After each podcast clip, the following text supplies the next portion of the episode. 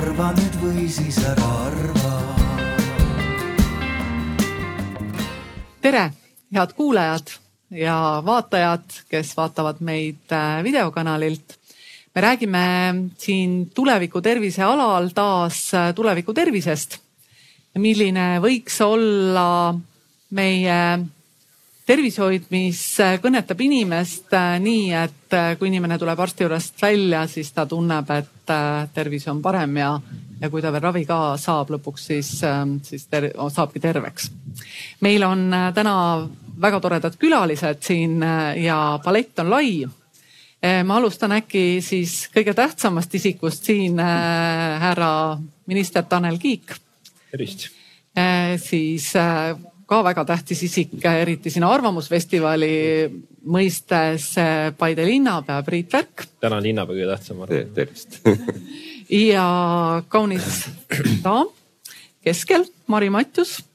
Nove advokaadibüroo partner ja meditsiiniõigus on sinu üks selliseid trumpe, võib nii öelda. just nii ja meie armastatud Eesti Ringhäälingu juhatuse liige Joel Sarv siis täna kui tööandja esindaja. jah, tere. Nonii, meie arutelu teema on täna siis äh, inimesekeskne või patsiendikeskne tervishoid ja see on nüüd küll te termin ilmselt, kus inimesed äh, saavad väga erinevalt aru. Mari, ma küsin sinu käest äh, siis alustuseks, et mida sina pead selliseks heaks mõnusaks kogemuseks, kui sa arsti juurest tuled? Mis vastab sinu ootustele? ja, et patsiendina siis mina ootan seda, et saaks õigel ajal õige arsti juurde. nii lihtne see ongi. kuidas see on siiamaani õnnestunud? oled sa üldse pidanud arsti juures käima? olen pidanud, sealhulgas väga rõõmsate sündmuste tõttu ja noh, minu enda kogemus on ikkagi positiivne. hästi Eh, Priit, sina ilmselt ei saa arstide kohta midagi halvasti öelda, sellepärast et ähm, sul on perekonnas arste, kes kindlasti vaatavad ja kuulavad sind ähm,. aga kas sinu jaoks on äh, heal arst, hea arstil kõik see, et kodus räägid ära, mis mured sul on ja siis saad abi? ega selles mõttes äh, niisugune keerulisem tõesti ta on. mul anda mingit objektiivset hinnangut, et ega mul nii ema kui õde kui varasemalt vanaema ja vanaisa ka siis on olnud arstid, et, et, et mul on see nii-öelda patsiendi kogemus on olnud võib-olla natuke teistmoodi kui teistel, et ühtegi niisugust negatiivset kogemust ei ole. nii et äh, ühesõnaga te näete siin väga tervet inimest, äh, tal on väga palju abilisi ehm,. Tanel, äh, milline on teie kogemus, et ähm, kui te olete käinud, olete käinud arsti juures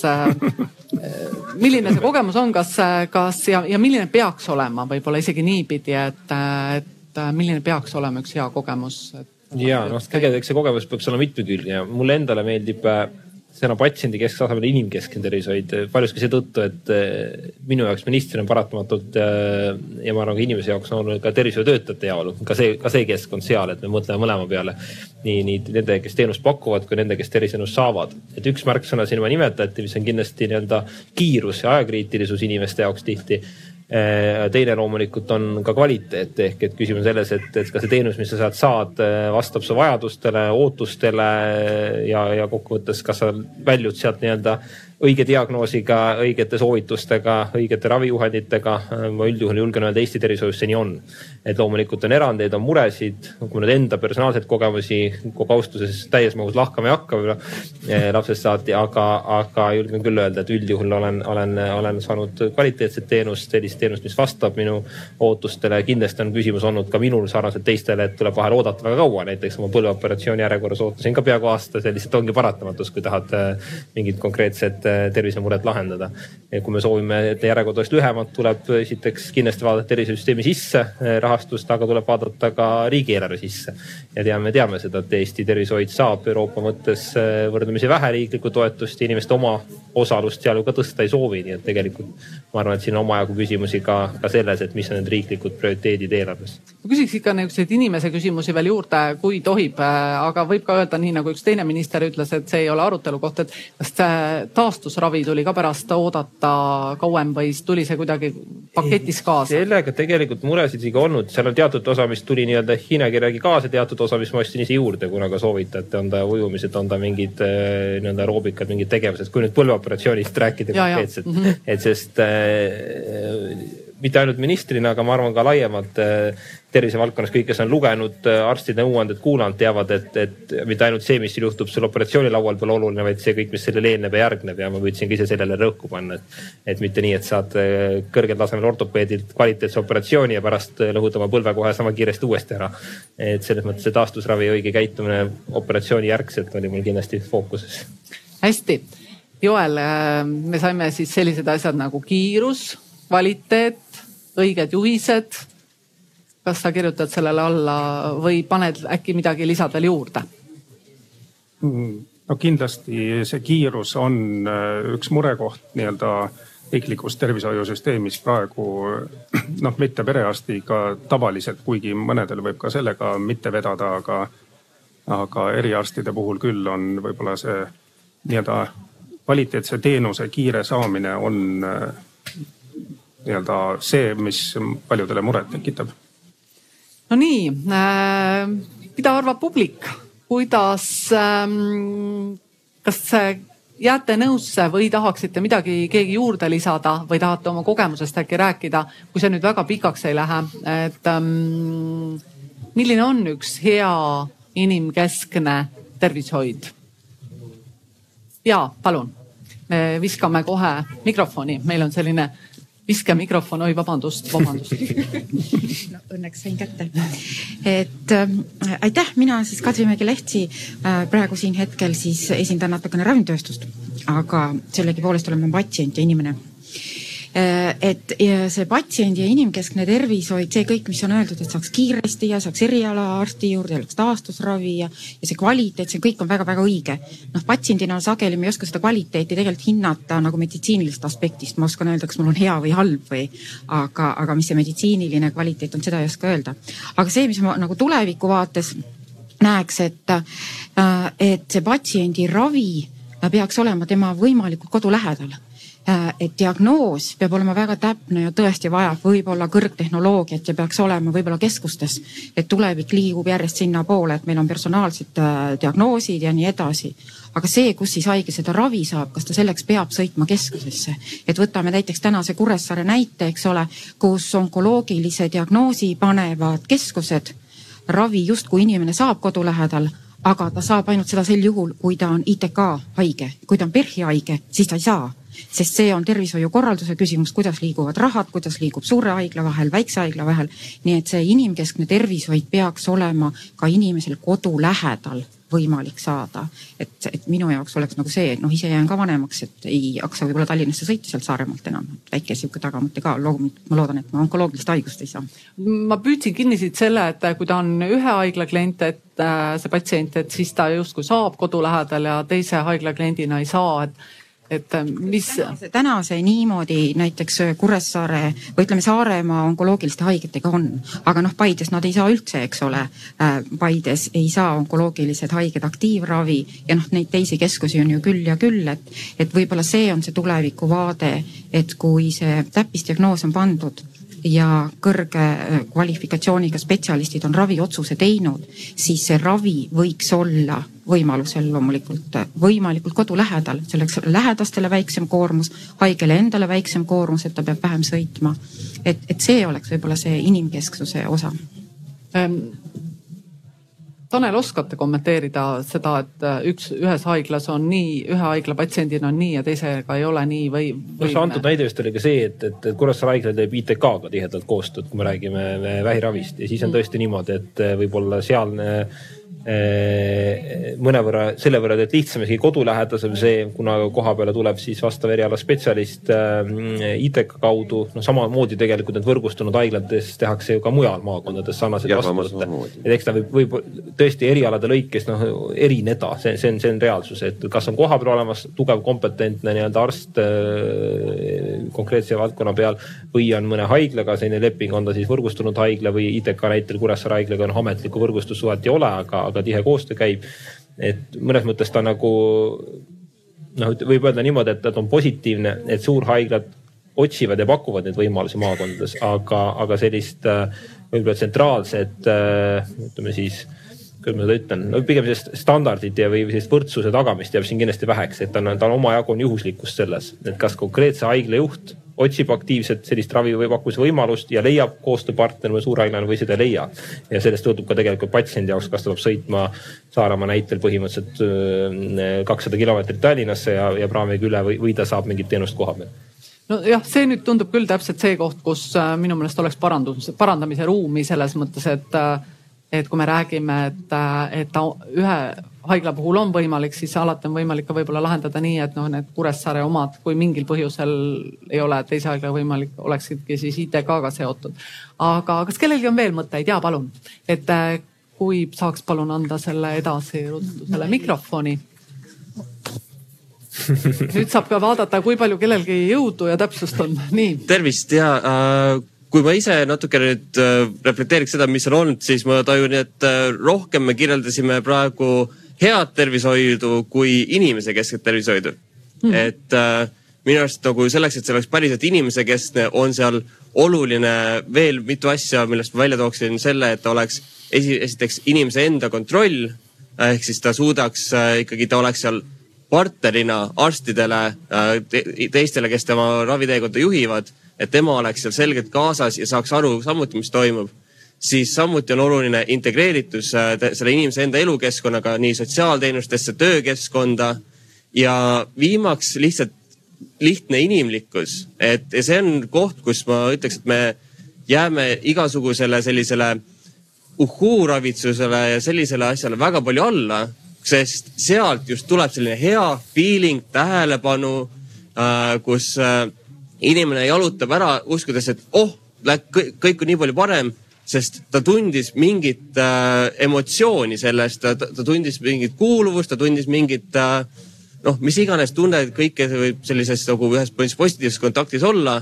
mida meil on väga raske pakkuda ülekoormatud tervishoiusüsteemis. et mul on tunne, et see element on meil ka väga palju puudu minul on nüüd kahjuks nii, et mina sellest uhuu ähm, juures äh, käinud ei ole, sellepärast mul puudub kogemus, aga, aga kui nüüd äh, võib-olla keegi veel, äh, ütleme, see mõte oli iseenesest väga no ütleme väga tõenäoliselt nii ongi reaalses elus, et, et kui, kui äkki tõesti haiglajuht kommenteeriks, et huvitav, miks meil on siin Järvamaa haigla juht, kommenteeriks, et huvitav, miks inimestel jääb sihuke mulje ja kas see on kuidagimoodi ka lahendatav jah, et siin Saaremaalt toodi näide, no selge see, võtta Paidet, Järvamaad ja Saaremaad, need on noh distantsilt keskustest tükk maad kaugemal. kui me räägime onkoloogia ravist, onkoloogilisest ravist, siis konkreetselt Saaremaal saame rääkida keemiaravist, mis on üks osa onkoloogilisest ravist. et kas seda on Paides mõttekas teha, et eh, ma ei pea seda päris nagu, nagu õigeks. et olgugi, et me võime ka Ida-Tallinna Keskhaiglaga kas võrgustuda või hästi läbi saada või PERH-iga võrgustuda või läbi saada, ma arvan, see ikkagi ei oleks õige siin Paides teha. aga mulle meeldis väga eelmine, eelmine kõneleja, kes ütles, et noh, kui algati, ala, alu, alustati juttu nagu arstidest, siis tegelikult tervishoid ei ole teps mitte ainult arstid et tänapäeval on ikka õed väga tähtsad, et seda ei tohi me sugugi unustada. arst on kindlasti kindel osa ja, ja just see teine jagu, et kui inimene on no nagu, nagu Tanel ütles, ära opereeritud, taastusravi, kõik muud asjad ja, ja ütleme, see sotsiaalpool, et inimene saaks ruttu haiglast koju saaks kodus soojas toas olla, saaks süüa ja saaks teistega suhelda oma, oma kogukonnaga, et see oleks väga tähtis, et me peaks niimoodi mõtlema. aga, aga mitte see, et peent ravi hakkame tooma kuhugi, noh, ütleme Paide, Paide kohta mul oleks küll nagu natuke imelik, et maahaiglasse, vaid väikelinna haiglasse peent ravi tooma ei ole mõtet hakata. see on minu arvamus, aitäh mm. -hmm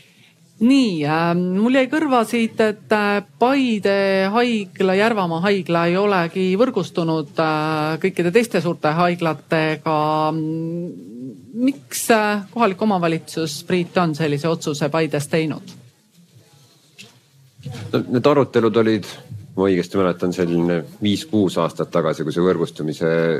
üle arutati kõige rohkem, eks siis ega Järvamaa samamoodi. lihtsalt teadmiseks kõigile, et Järvamaa haigla siis kuulub kolmele Järvamaa omavalitsusele, Paide, Türi ja Järva vald. ja ega siis see ikkagi otsus langetati, et me- noh, haigla juht ka siin, et meie nägime sedapidi, et, et ei näinud, et sealt saaks midagi võita. et teenus osutub, hakkaks patsientidele või siis Paide Järvamaa inimestele muutuks ta paremaks. Sest ka seni, ma saan aru, see koostöö nii PERH-i kui kliinikumiga peamiselt, noh, ma saan aru, et ka Ida-Tallinna Keskhaiglaga samamoodi, et nende arstid käivad väga ma ei, pärast Andres oskab kommenteerida, kui palju osakaal kogu arstidest, aga, aga väga palju need, kes käivad siin igapäevaselt siis eh, ka teenuseid osutamas, eks ju. Nii et ühesõnaga- ei näinud seda võidumomenti, eks ju, et ja siis ei olnud ka sellest põhjust. Et haigla ei näinud võidumomenti, aga Ei, pigem- patsiendid võib-olla oleks pigem- näinud, kui oleks saanud patsientide- näiteks äh, vähiravi siin, ütleme kasvõi seda keemiaravi siin äh, teha, no ma, ma kaht-, ausalt öeldes ma kahtlen selles, et see oleks tähendanud seda, et siis oleks äh, hakatud äh, pakkuma kas siis uusi teenuseid või oleks see tähendanud seda, et oleks meeletu suur taristu investeering selle pärast tulnud, et, et ma natuke kõhklen selles. Aga huvitav, Joel, kui sa kuulad seda, et me räägime kogu aeg mingitest äh, haiglatest ja me räägime mingitest struktuuridest. noh, samas äh, teistpidi me kogu aeg tahame öelda, et äh, inimene on kuskil keskel. et kas sulle ei tundu, et ei võiks olla üldse noh, probleem ei peaks olema üldse selles, et me arutame, et äh, kes kellele kuulub või kes kelle oma on, vaid et kui minul on äh, ikkagi mingi raske haigus ja seda näiteks teises sarnases suures haiglas äh, on võimalik äh, ravida mingit osa sellest ravist, et, äh, et siis ma saan seda kodu juures teha. Mm, jah, no peaks alustama sellest, et mina olen õppinud ökonomisti ja natuke sotsioloogiat, et, et mina nagu sellistesse turumajanduse asjadesse suhteliselt palju usun ja, ja kindlasti äh, oleks see ka patsiendipoolne valikuvabadus miski, mis võiks parandada nii äh, siis rahulolutunnet, aga võib-olla ka nii-öelda seda teenuse pakkumist üldisemalt, et, et inimene tunneb, et ta valib teenuse osutaja peab natuke pingutama, et, et pakkuda ka natukene emotsionaalset rahulolu inimesele lisaks sellele, et põlv ära opereeritakse, eks ole. ja, ja võib-olla siia juurde ka veel see, et tõesti see klient või siis inimene, kes raviteenust saab, tegelikult võiks teada seda, kui palju see asi maksab, isegi siis, kui ta ise seda kinni ei maksa ta võiks nii-öelda, ma ei tea, haiglast või arsti juurest tulles näha seda arvet, mis haigekassale läheb. et on sellist kogemust küll, et siin mõni tuttav vanem inimene kurdab, et näe, jälle käisin, pidi küll tasuta olema arstiabi, aga näed, võeti mult viis eurot, eks ole, et kui ta sealjuures näeks, et tegelikult maksti veel, ma ei tea, viissada kolmkümmend eurot haigekassa poolt sinna juurde, et siis võib-olla, võib-olla mõte ei liiguks selles suunas, et, et tõmmati nüüd nahk üle kõrvade, et. Ja, ja, ja, ja ma just kuulen, et sinus räägib nüüd majandusmees, eks, et äh, aga, aga ilmselt on äh, siin äh, kuulajate hulgas päris mitu sellist inimest, kes teab väga hästi, et kui ta läheb digilukku ID-kaardiga või, või oma mobiili-ID-ga, siis ta tegelikult näeb neid raviarveid ka. nii et, ähm, et seda küll ei kasutata väga palju, aga see võimalus siiski on loodud ja, ja võib-olla lihtsalt, kui tahta küsida, et kas äh, saaks äh, turundust paremini teha, et, et siis võib ju kusagil aeg-ajalt rääkida nendest hindadest, mis puudutavad tõesti, kui suurt osa hüvitab haigekassa ja kui suurt osa hüvitab inimene ise. aga Mari, ma küsiks sinu käest, sina oled jurist, et sinu käest on hea küsida, et et tegelikult, kui me siin näeme, et erinevad inimesed erinevates kohtades, kellel on üks ja sama haigus, saavad tegelikult erimoodi ravitud selles mõttes erimoodi, et nad peavad tegema selleks erinevaid jõupingutusi. et kas sul hakkab kusagilt midagi kriipima või, või kas, kas see on täiesti normaalne, et, et kui võiks saada ühtemoodi, siis tegelikult saavad erimoodi? see vist on mitte juriidiline küsimus nüüd lõpuks et jah, et muidugi, eks ole, kuuldes seda, seda konkreetset näidet, et siis muidugi jah, tekib see mõte, et võiks, et tõesti, et kas siit võiks otsida juriidiliselt äkki siis erinevate patsiendigruppide diskrimineerimist, et aga et siinkohal, et mu selline nagu see esmane hinnang oleks see, et, et kuna ega kuskil ei ole nüüd väga täpselt äh, siis niimoodi paika pandud, et täpselt nii-öelda, et kui kiiresti peab mingisugust nii-öelda ravi saama, et jah, need üldised nii-öelda tähtajad on olemas ja need ikkagi ulatuvad nii-öelda kuudesse. et ja et kogu see siis raviteenus ikkagi siis peab toimuma nende olemasolevate ressursside raames, et siis et siis siin ma inimlikult saan aru, et jah, et siin võiks olla niimoodi, et kõigil on kõike võrdselt, aga et noh, et juriidiliselt siin on, siin on keeruline külge hakata kuskilt. aga mida üldse tähendab see, kui sa võhikule nagu mina seletad, et mida tähendab see põhiseaduse punkt, et äh, inimesel on õigus äh, tervisele ja et riik peaks siis selle süsteemi kuidagimoodi looma ja, ja seda käigus hoidma? et jah, et meie põhiseadus siis selle äh, siis sätestab, et, et inimesel on siis põhiõigus tervisekaitsele ja selle siis nagu tõlgendamisel, ma ütleks, et kõige nagu lihtsam kokkuvõte ongi see, et, et kui inimesel on vaja sellist nii-öelda nagu vältimatut abi, et kui on nii-öelda jalaluu on murtud, et siis nii-öelda, seda peab saama siis tõesti eh, siis iga inimene, sõltumata sellest, kas tal siis on see ravikindlustus või mitte ja, ja siis ravikindlustatud isikud siis peavad saama siis nii-öelda perearstisüsteemi ja eriarstiabisüsteemi kaudu seda abi. et aga et üldiselt see, see õigus tervise kaitsele ei tähenda seda, et, et igal inimesel on siis õigus saada väga kiiresti Eh, siis kõiki eh, siis nii-öelda maailmas kättesaadavaid tervishoiuteenuseid, vaid et see tähendab seda, et tema nii-öelda riik peab olema loonud sellise toimiva tervishoiusüsteemi, kus tal nii-öelda nende reeglite piires on eh, võimalik seda abi saada. et kahjuks jah, et see seda, et see väga hästi kõlav õigus tervisekaitsele, et see ei ole tegelikult juriidilises mõttes nii lai, kui me võib-olla tahaksime. et ikkagi piiratud ära selle majandusliku reaalsusega Tanel, te rääkisite enne ka, et, ähm, et äh, on see majanduslik reaalsus, mis paneb piirid. et ähm, kus on see koht, kus äh, riik ütleb, et äh, nüüd ma pean piire laiendama, sellepärast et teadus ju kogu aeg areneb edasi? Hmm.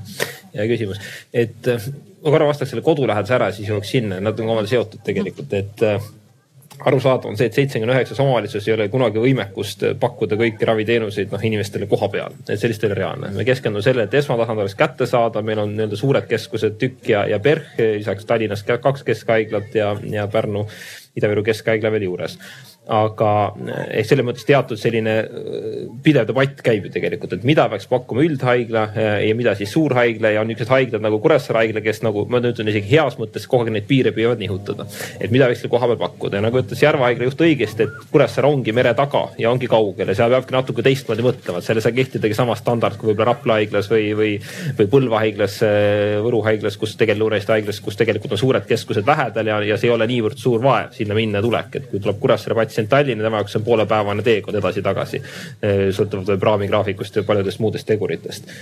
ehk selles mõttes eh, see regionaalne nii-öelda arutelu, debatt, eh, mida suudan pakkuda, sõltub ühest küljest rahast, teisest küljest sõltub loomulikult ka tervishoiutöötajate arvust, mis on ka noh, rahaga seotud. aga sõltub ka sellest, et mis on meditsiiniliselt põhjendatud, ega alati öeldakse, et sõltub ka ravijuhtude arvust, et sul lihtsalt on võimalik pakkuda noh, näiteks sünnitusosakonda hoida lahti kuskil, kus on aastas kümme sünnitust, noh suvalise näite toon praegu. et see lihtsalt ei ole meditsiiniliselt põhjendatud, ei ole tõenäoliselt patsiendile ohutu ja, ja selles valguses ongi juba mõistlik pigem tuua see patsient sünnitama Eh, kuskile, kus on vastav kompetents, ruumid, eh, kogemus koha peal olemas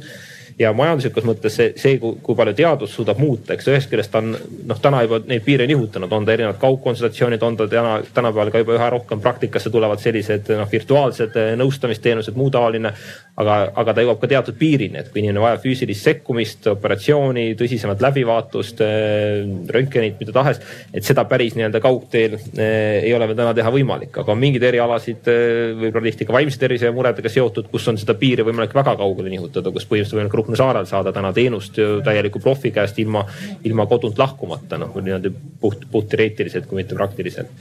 et, et teadus võib-olla liigutab, liigutab teatud piire, aga ta ei suuda ka kahjuks, ma arvan, seda tagada, et nagu see kodulähedase printsiip, mida toodi, oleks nii-öelda universaalne, et igaüks saab oma kodust, ma ei tea, kümne kilomeetri raadiuses kõiki tervishoiuteenuseid, seda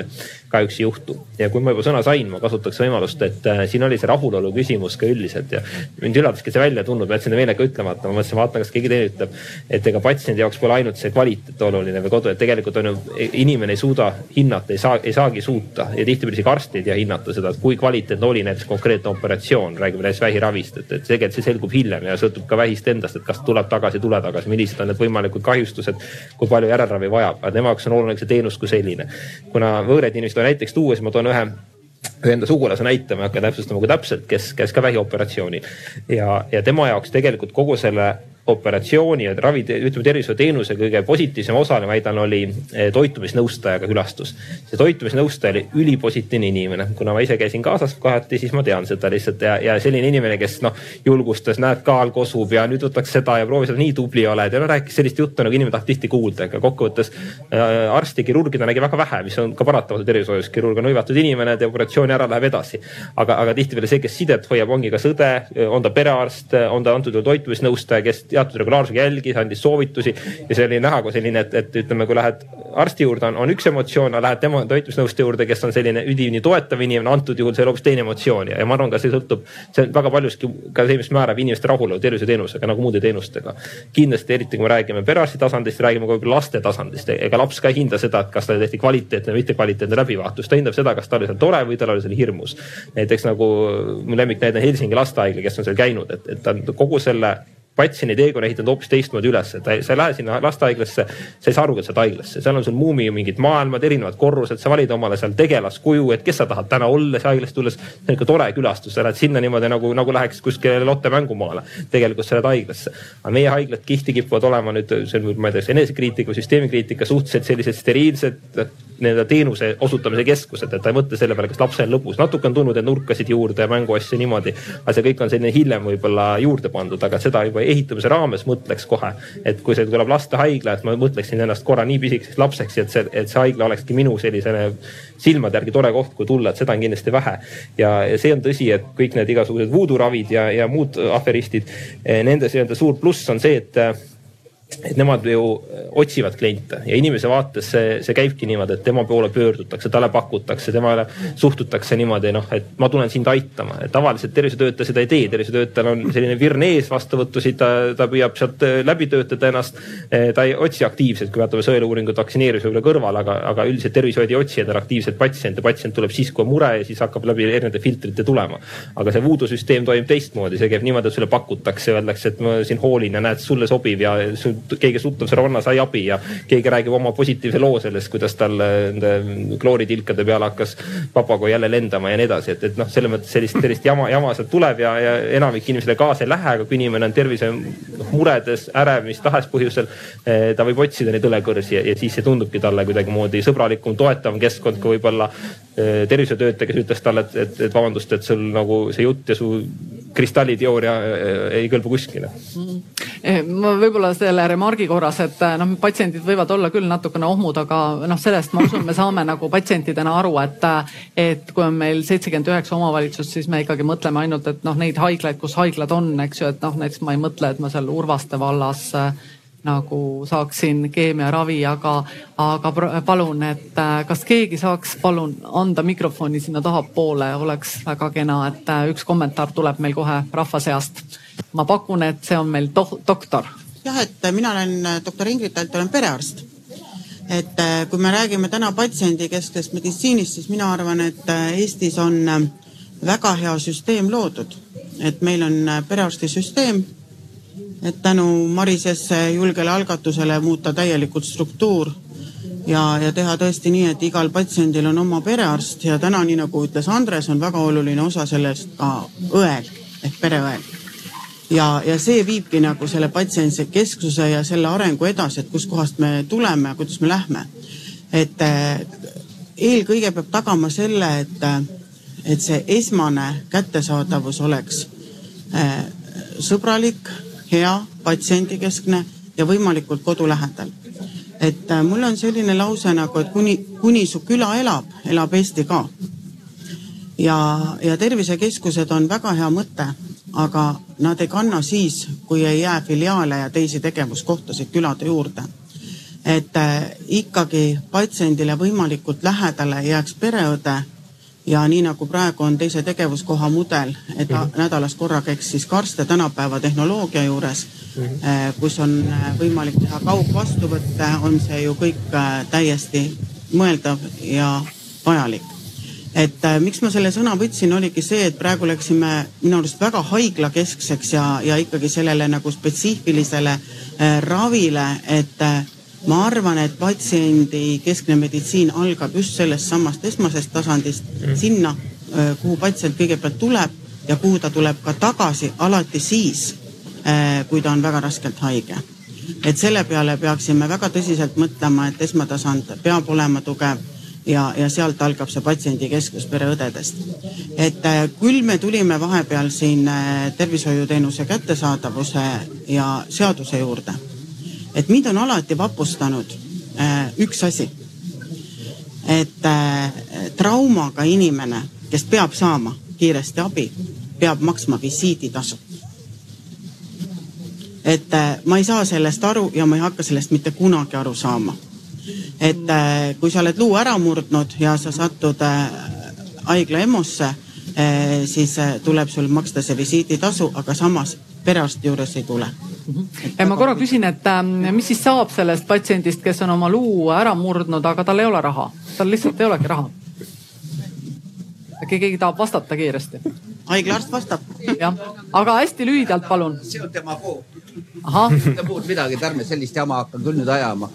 haiglas võetakse kõik vastu, ma võin öelda, et Järvamaa haiglas reede lõunas kuni praeguni on käinud kuuskümmend kaks inimest EMO-s. kui palju perearstide juures on käinud? -hmm. olgu, aga teate. okei okay,, see sellest, ma võin samasugust demagoogiat vastu öelda. kõigile antakse abi, viimasele kui ühele, see ei ole teema. nii et äh, kui raha pole, siis abi saab. aitäh. Äh, palun anname selle mikrofoni veel korraks sinnapoole edasi, seal üks härra ka tahab kogu aeg äh, sõna saada ja siis me läheme kohe vabandust, kui me oleme jätnud nüüd. mul oli üks küsimus ja aitäh. ja. Äh, tegelikult see on küsimus just nimelt äh, selle eelnevast sõnavõtust, mis repliigina välja toodi, et küsimus vabadusest ja, ja pärast seda äh, me rääkisime tervishoiusüsteemidest ja ülesehitusest ja sellest, kuidas meil on haiglasüsteem ja perearstivõrk. Äh, ja minu küsimus on tulla tagasi patsiendi vabaduse juurde, et kui vaba meil patsient on täna selles tervisesüsteemis, et kui me räägime patsiendi kesksest tervishoiust ja kas patsient on piisavalt vaba ja kas ta võiks olla vabam või antakse talle kõik ette, aitäh mm. -hmm. kas äh, tahate ise ka vastata või, okei okay., kes tahab vastata, kas vastab, kas see küsimus on suunatud ministrile? ma arvan, et küsimus on suunatud kõigile. ahah, või on Marile? Mari tahab äkki vastata. Mari, palun mm. -hmm. et, et saan aru, et see küsimus on siis selles, et. kui vaba on patsient. kui vaba on patsient ja et kas ta siin võiks olla vabam, et et kuna lisaks meditsiiniõigusele tegelen ka konkurentsiõigusega, siis siin ma selle tausta tõttu ütleks, et tõesti, et mida vabam see patsient on, et seda rohkem äh, peavad siis ka need äh, erinevad siis nii-öelda teenusepakkujad või erinevad nii-öelda haiglad, perearstikeskused tema püüdmise nimel äh, siin nagu pingutama, aga et jah, kui me nüüd mõtleme, et kui, kui vaba ta siin nagu täna on, siis äh, et noh, perearsti ju saab igaüks äh,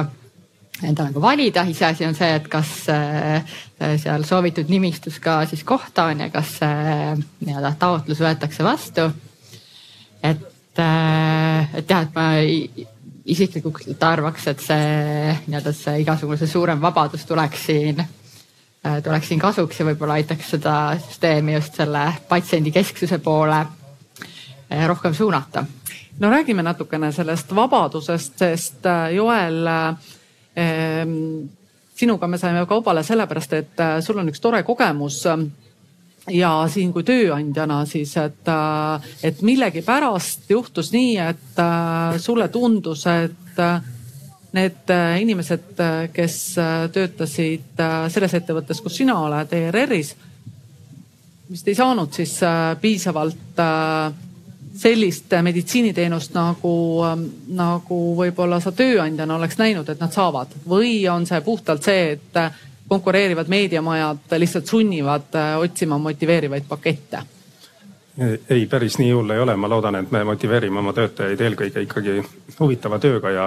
ja loodetavasti ka teised meediamajad teevad sama. aga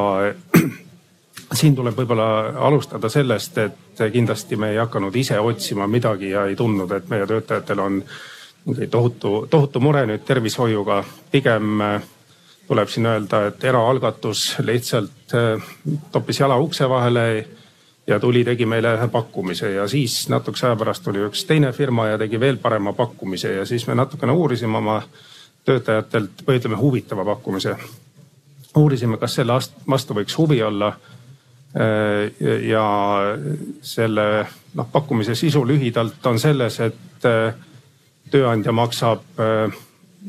kvartalis siis maksuvabalt lubatud sada eurot tervisekindlustuseks ja, ja siis teenusepakkuja annab omalt poolt vastu võimaluse külastada nii nii-öelda perearstilaadset teenust või, või noh, nii-öelda kui ka eriarste, kaasa arvatud teatud ulatuses saada näiteks hambaravi, mis riikliku kindlustuse sisse eriti suures määras ei kuulu. et ja, ja, ja see tundus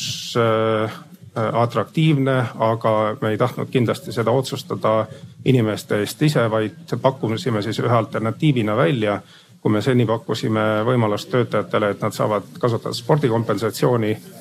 käies erinevates spordiklubides äh, ja saades siis äh, pool nii-öelda igakordselt makstavast summast siis selle tööandja poolt makstava fondi kaudu Äh, kindlasti tahame alati hoida seda omaosaluse määra ka, et inimesed äh, mõtleks enne, kas on, äh, kas on mõistlik kulutus või mitte. aga siis leidsime, et alternatiivina võib-olla tõesti kõik ei taha spordiklubis käia või käivad niisama metsas jooksmas ja raha ei kulugi, et et aga võib-olla on mõni, mõni muu tervisemure ja, ja mõnel inimesel kahjuks ei ole ka perearstiga nii hästi vedanud, et, et mõnes kohas paraku on see, et kas perearst on ära läinud või on, või on tal liiga suur praksis või on äh, mingeid muid hädasid, et, et ka nii-öelda saada võib-olla lihtsamatele muredele kiiremini lahendust. ja pakkusime siis välja, et üks alternatiiv, et kes ei taha sporditoetust kasutada, võib siis liituda selle tervisekindlustuse pro äh, programmiga niimoodi, et tööandja maksab kuuskümmend eurot kvartalis, inimene peab ise nelikümmend eurot juurde maksma. Äh, selleks, et jällegi veenduda, et, et see huvi on, on päriselt, et me ei maksa lihtsalt tühja seda raha ja tegelikult äh, on selgunud, et see on äh, huvi pakkunud tänaseks äh, umbes veerandile Rahvusringhäälingu töötajatest, mis on päris, päris suur hulk inimesi. Ja tundub, me mingit nii-öelda rahulolu küsitlust läbi viinud ei ole, aga et, et see sõna on nii-öelda levinud, et kui alguses liitus pisut alla saja, siis siin äh, järgnevate kuudega on sinna viiskümmend inimest veel nii-öelda juurde sel, seda teenust kasutama asunud. ja tõesti äh, ma ei oska öelda, kuidas, kuidas see matem- või noh, nii-öelda majanduslikult see asi pikaajaliselt toimib, aga tõesti, seal on, ütleme nii, et tegelikult suurema summa eest, kui sa seda kindlustust maksad, on võimalik, ma ei tea, hambaarsti juures näiteks käia, eks ole. et, et põhimõtteliselt, kellel, kellel on nii-öelda hammas katki, siis on päris kindel loos nii-öelda see kindlustus omale võtta ja, ja pärast hambaarsti juures ära käia äh,. aga teine, teine veel, mis ma mõtlesin selle juures on tegelikult see, et, et see kindlustuse kulu äh, nii-öelda sada eurot kvartalis ehk siis kolmkümmend kolm eurot kuus äh,. et on suhteliselt väike võrreldes äh, sellega, mis me maksame nii-öelda sotsiaalmaksu osana tervisekindlustust sest juba see kolmteist protsenti, eks ole, kasvõi miinimumpalga pealt on vist mingi seitsekümmend viis eurot umbes, eks ole, ja, ja keskmise palga pealt juba hulka rohkem, et, et tegelikult tõesti selle, selle nii-öelda siis paralleelse süsteemi kaudu ja vähemalt esmapilgul tundub, et odavamalt saab päris palju lisakvaliteeti juurde, et noh, loodetavasti see tegelikult aitab kogu tervishoiusüsteemile kaasa, et võttes siis natuke koormust võib-olla äh, sellelt riiklikult kindlustuselt vähemaks ühtlasi ja, ja andes inimestele midagi juurde ja võib-olla ka motiveerides siis äh, tekitades mingit konkurentsi siin turul. aga, aga jah, et see, et et seda on nagu võimalik odavamalt saada, kui, kui tegelikult on riiklik tervisekindlustus, et see on päris, päris huvitav. tõsi, et seal on piirmäärad, et, et noh, nii-öelda kui su haigus läheb aastas rohkem maksma kui kümme tuhat eurot, siis, siis lõpeb see kindlustus ära, et no ja, no nii ilmselt on nii nagu igasuguse kindlustusega mõelda kasvõi, et kui peaks autoga midagi juhtuma, siis tavaliselt on ju umbes sama lugu, eks, et,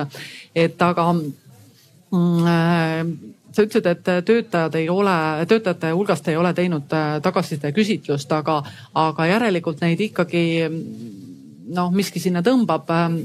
ja ilmselt, äh, ilmselt nad saavad seal ka normaalse kohtlemise osaliseks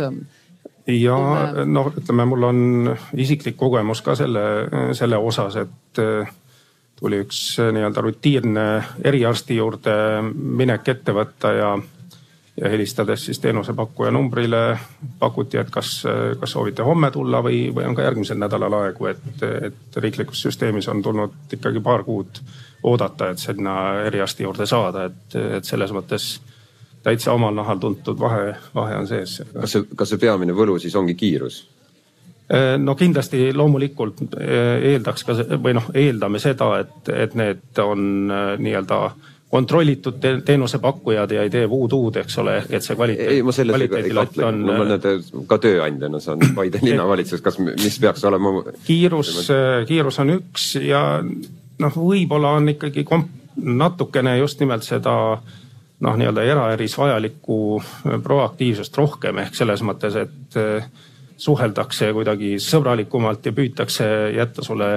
nii-öelda hea tunne, et sa ikka tuleks järgmine kord ka. noh, antud juhul küll nii-öelda mitte enda raha, vaid seda kindlustuse raha neile tooma, eks ole, aga, aga, aga ikkagi, et, et nendel on nagu see väga-väga selge selline äriline motivaator selle juures. no kui mõelda nüüd, et millest see räägib, siis äh, see räägib ikkagi sellest, et äh, nüüd oleme me jõudnud sellesse ajajärku Eestis, kus, äh, kus tegelikult tööandjad on piisavalt hästi toime tulevad ühelt poolt, teiselt poolt äh, need süsteemi äh, puudused, kui me mõtleme kasvõi äh,, mida on Covid kriis kaasa toonud, et ähm, kuidas ja kas üldse peaks riik mõtlema nüüd selle peale, et kuidagimoodi laiendada ka oma seda niinimetatud teenuste paketti, olgu see siis hea suhtlemine, usaldus, kiirus noh, kvaliteedist me ei räägi, ma arvan, kvaliteet on arstidel, eks ole, nagu tegevuslubadega tagatud ja et, ähm, et kas, kas see võiks olla Eesti tuleviku tee nüüd, kui meil ei ole äh, piisavalt ressurssi, kui Eestil on raske? või me peaksime kindlasti mõtlema maksutõusudele ega üks ei välista teist et äh, minu isiklik seisukoht on, et me vajame ka maksubaasi ümbervaatamist, seda ma ei väsi kordamast, sest meil on valdkondi, kus on selge alarahastatus pikaajaliselt, mis on ilmnenud ka äh, faktilistes numbrites, nii tervishoiutöötajate arvudes, hooldekodusektoris, pensionites, mitmel pool mujal. aga teine pool loomulikult, äh, üks süsteem pole täiuslik, et sellist, sellist lahendust ei ole ja, ja seda kliendikesksust, patsiendikeskust, inimkeskust, kuidas me tahame nimetada, kindlasti saab juurde tuua ma arvan, et siin isegi alati me liiga natuke me ütleme, et noh, et riigisüsteemis seda ei ole, et, et ta lihtsalt ongi äri, äärmiselt erinev, et ma kujutan ette, meil seitsesada kaheksakümmend viis perearsti nimistut, me võime leida selliseid kliente, kes ütlevad ja patsiente, kes ütlevad, et on superperearst ja, ja, ja parim ja, ja suhtleb minuga Facebookis ja telefoni teel ja helistab koju ka, kui vaja ja, ja küsib, kuidas läheb. ja siis on neid, kes ütlevad, et ma ei tea, kes mu perearst on. Ja, ja kui ma kätte tahan saada, ütleb, et tal on kiire. Ja eks, eks ta nii ongi, et, et ta on ilmselt ühte teistpidist teenust, noh, seda me nägime ju ka vaktsineerimisel, mis tahes muus teenuse puhul, et, et oli neid, kus väga kiiresti hakkasid numbrid kasvama ja neid perearsti nimistuid, kes, kes mingil põhjusel on eelistasid sellest vähemalt esialgu kõrvale jääda. ja, ja, ja loomulikult see mõjutas ka omakorda patsientide rahulolu konkreetselt nii tervishoiuteenusega, riigiga, oma perearstiga, et sellist selliseid, ütleme raskemini mõõdetavaid öö, väärtusi või kriteeriume tuleks juurde tuua tervishoidu, sest täna Haigekassa ja Tervishoiukassa noh, on suhteliselt noh, ravijuhipõhine.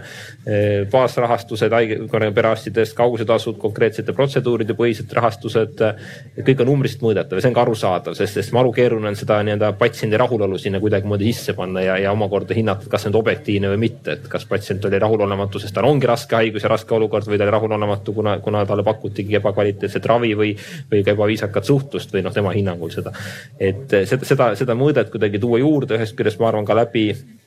juba nii-öelda baasõppe, kui räägime nii tervisekõrgkoolidest, ülikoolidest, et, et inimeste ootused ongi noh, ajas kasvanud ja, ja, ja see on ka arusaadav, see igas valdkonnas kehtib nii. et, et see arusaam sellest, et äh, arst või õde peab olema mitte pelgalt oma valdkonna ekspert, vaid ka selline hea suhtleja ja toetav ja kõik, et ja, mis on ka tegelikult ka meditsiiniliselt näidustatud, et me teame, et kui sa teed midagi vastu tahtmist ja kartes ja, ja su küsimustele vastata, oled ärev, see paratamatult mõjutab ka su enda nii-öelda ravi kulgemist, et. ja sellest ma arvan, valdav osa tervishoiutöötajad ongi kõik ühel lainel. tihtipeale see peamine nii-öelda nii-öelda vastuargument ja mure tuleb, mis ka siin täna kõlas, on see ülekoormatus, et, et tal pole lihtsalt nagu seda aega selle nii-öelda noh, kuidas viisakalt ütelda siis selliste noh, täiendavate küsimuste jaoks, ütleme nii siis, sellise vabas vormis arutelu jaoks, et, et see, see on see asi, millest paljud tunnevad puudust ja ütleme selle Covidi kriisi ajal me oleme ka väga palju näinud seda, et, et öeldakse, et, et ma ei taha sellist kiirteenust, et, et kus tulen, lähen ja ma tahan rahulikult rääkida, ma tahan, et arst tutvub minu peretervise andmetega, ma tahan, et ta kuulab mu küsimusi ja muresid ja nii edasi. ja, ja, ja kui ma seda ei saa, siis ma, siis ma ei lähegi sinna kaitsesüsteemi, et seda on näha eriti mõnes maakonnas, mis asub meist ida pool, et, et kus seda, seda tuuakse välja. eks noh, tulebki seda siis ka pakkuda, aga, aga see eeldabki rohkem ressurssi, rohkem jõudlust et ma arvan, et ta on ühest küljest mõtteviisi küsimus ja teisest küljest on ta ikkagi ka tervishoiutöötajate arvu küsimus. Ja siis ma toon oma lemmikteema juurde tagasi, ta on ikkagi inimeste enda tervisekäitumise küsimus ehk et väga palju neid äh, õnnetusjuhtumeid, äh, haiguste tüsistusi on võimalik ära hoida, kui me ise teeme terviseteadlikumaid valikuid, kui see keskkond meid toetab, on see töökeskkond, koolikeskkond, äh, tänavad, liiklus, mis tahes muu. ehk me väga palju tegeleme selliste tagajärgedega, mis oleks tegelikult olnud ennetatavad, mis annaksid võimaluse ka sellesama tervishoiutöötajad oma ressurssi ja aega pühendada neile, kes seda ravi nii-öelda vältimatult vajavad ja võib-olla siis ka selle võrra rohkem sellist nõustamist ja kõike muud pakkuda, mida tegelikult oodatakse mm. -hmm. no selle riigisüsteemi tõesti selline hierarhiline ülesehitus on ka kindlasti see, mis patsiente, noh, me ikkagi kõik kuuleme neid lugusid, kas patsientide liidus või, või oma sõprade-tuttavate käest, et kus, kui üks lüli ei tööta, noh, seesama, et kui mul ikka perearsti üldse ei olegi noh, see noh, meil on ka umbes ka paarkümmend tuhat inimest, kellel üldse pole Eestis perearsti. et noh, siis ma nagu sealt äh, süsteemist nagu edasi ei pääsegi äh,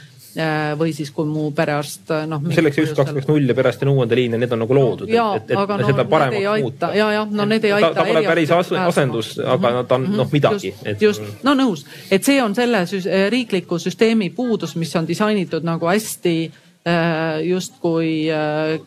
noh, ütleme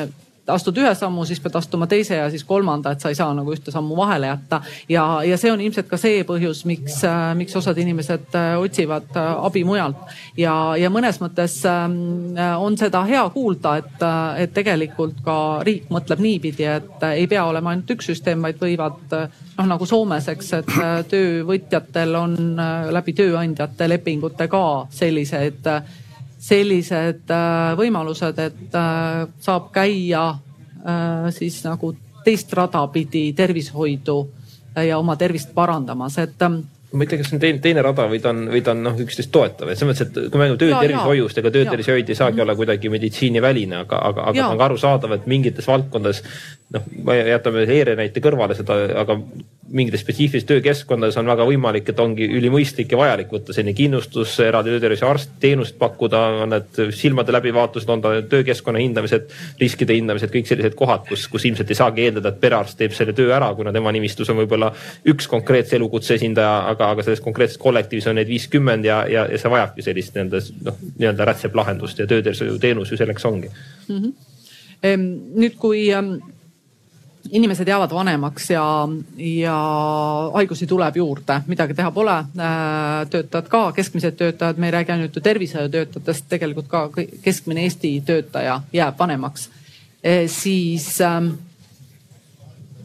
kuidas, äh, mida te arvate, kas see erisoodustusmaksu nelisada eurot äh, aasta peale ehk siis sada eurot kvartali peale, see läve, lävend, mida, mida maksta, kas see võiks vajada ümbervaatamist. hiljuti just äh, lugesin artiklit, äh, kus avaldati arvamust, et erisoodustusmaks kui selline võiks äh, üleüldse ära kaduda Eestist. Et mm. ülevaatamist kindlasti, siin on kaks kohta, üks on see, mida ma kohe toetaks, on, et ta ei pea olema sada kvartalis, praegu on see kvartalipõhine arvestus. ehk selles võiks olla teenused võimalik neljasaja eurost aastas, et summa teeb sama välja, aga mingites olukordades ta pakub noh, rohkem kindlust nii selle tööandjale kui, kui teenuse osutajale. et on ta siis tervishoid, on ta, on ta spordivaldkond, muu taoline.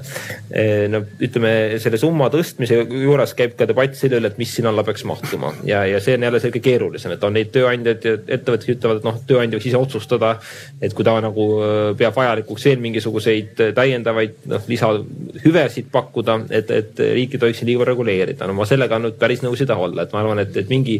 hinnang ja filter seal vahel peab olema, et see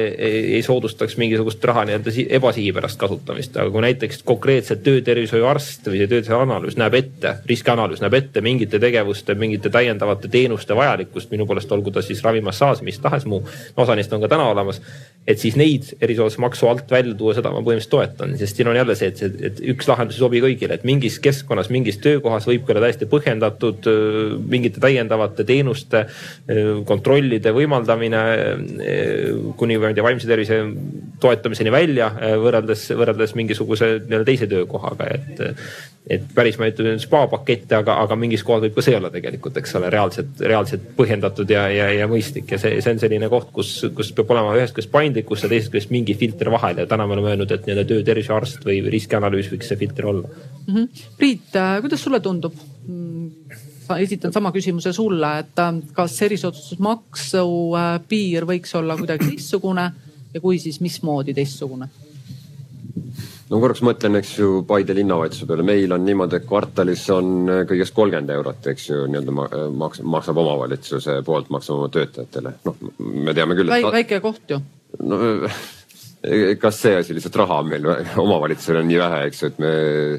päris sadat eurot ei maksa. Enamus kasutab meil ikkagi siis, kui ma näen neid arveid, eks ju, on eh, siis erinevad spordiklubid, sporti, sportimistegevused, eks ju, nõudlust spa järele on ka olnud, ega me oleme öelnud ei, mina ise arvan, et see nagu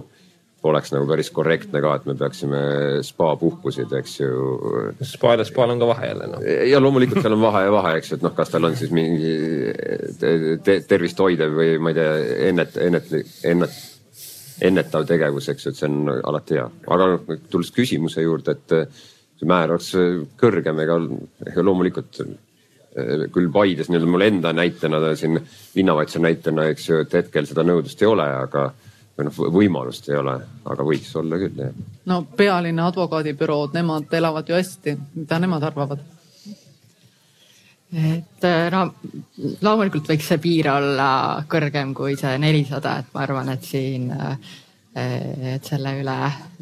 rõõmustaksid nii äh, töötajad kui ka tööandjad, sest et nagu noh, et tegemist on nii-öelda ülemise piiriga, et see ei, ei, ei loo ju mingisugust kohustust. Aga jah, et selline täiendav võimalus oleks see mida see tööandjale annab, see, kui no ikkagi tööandja ju ka mõtleb, et et kui sa nüüd tööandja poole pealt vaatad, et äh, on selline eraravikindlustuse leping. kuidas sulle tundub, et mis kasu sa sellest saad? No ütleme ERR, mis kasu sellest saad? võib-olla jah, nii-öelda hakata pihta üldse sellest, et ka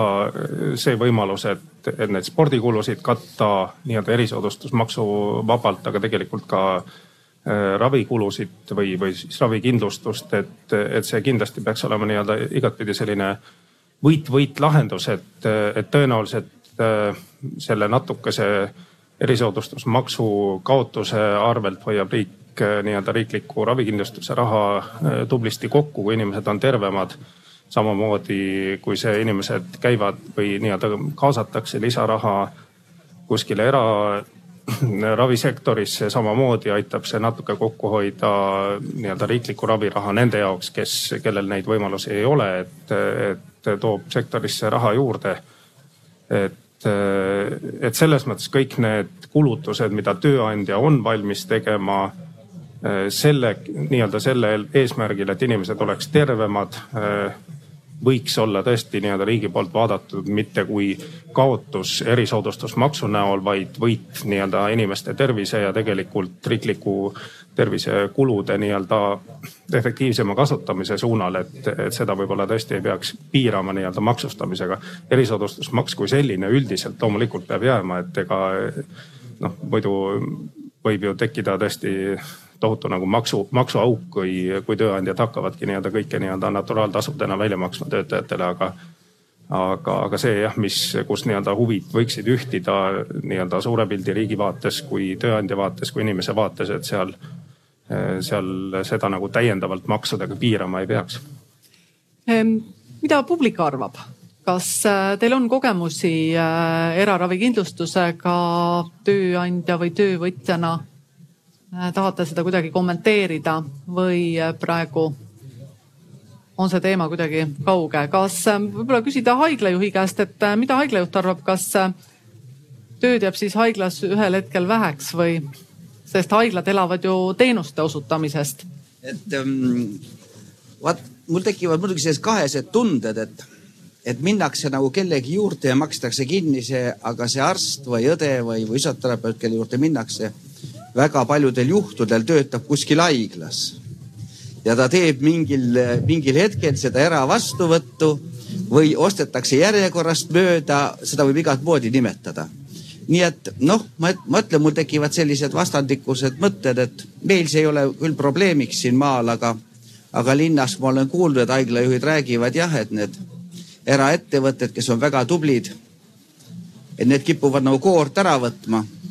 See tähendab seda, et et kõige hullem haiglates on ikkagi see valvetöö, ükskõik on ta Tallinna haigla või siin maahaigla. kõige raskem on seda nagu sisustada tööjõuga ja, ja, ja õdede ja kõige arstide ja kõikide muudega ja kui nüüd noh, võetakse nad kuhugi ära kõrgema palga peale.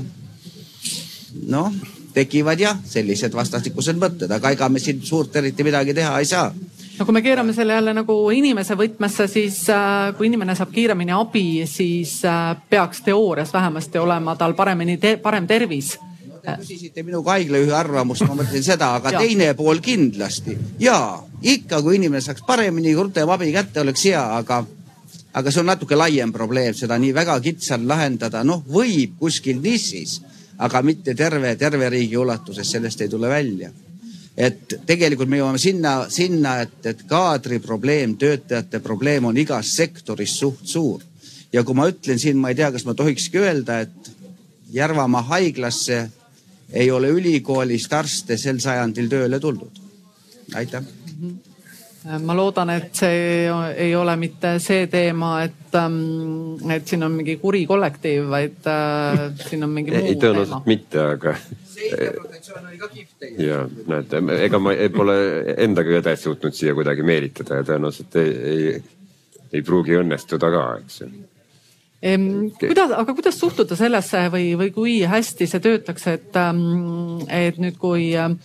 ikkagi äh, suurematest haiglatest käiksid arstid siia või nad käivad juba niikuinii? Nad käivad niikuinii mm -hmm. selles mõttes, et äh, ega ma siin vaatan publikusse, näen ka ühte arsti, kes käib ja nagu ma ennem ütlesin, miks ma õele viitasin, mu õde on arst, eks ju, et et eks ta vahel teeb ka mõne üksiku valve siin, aga selles mõttes on tegelikult nagu, see ei ole nagu juhus, vaid see on süsteemne, eks, et Järvamaa haiglas ongi niimoodi. et no meie eelis, ütleme Paide eelis siis see on, et eks see tund aega Tallinnast tulla arstile teha, kas ta teeb siis olenevalt kas kord kuus või, või tihedamini vastuvõtte, et, ma arvan, et Paide inimestele patsientide vaatenurgast on see väga hea. sul on nagu võid öelda, et siis, et sul on Eesti võib-olla oma valdkonna parim arst ja kodus kättesaadav ja ma saan aru, et siin toimub tegelikult ka rännet, eks ju see ränne käib sedapidi, et sa tead, et Tallinnas on sul palju pikemad järjekorrad ja seesama arst ütleb, et kuule, tahad mu vastuvõtule, et tule siin Paidesse, eks ju, Järvamaa haiglasse. no ma loodan, et siis nüüd kõik, äh, kes on Tallinnast, äh, jäi see väike nipp meelde see, see ei olnud mu, tagamõte nüüd, et kõik, tule parem siis Paidesse juba elama, eks. -hmm, selge e Tanel, mis mõtteid see tekitab, et, äh, et nüüd, kui töötajaid on niigi vähe et äh, äkki nad lähevad äh, siis haiglast ära ja kuidas siis neid öövalveid saab äh, lõpuks korraldada?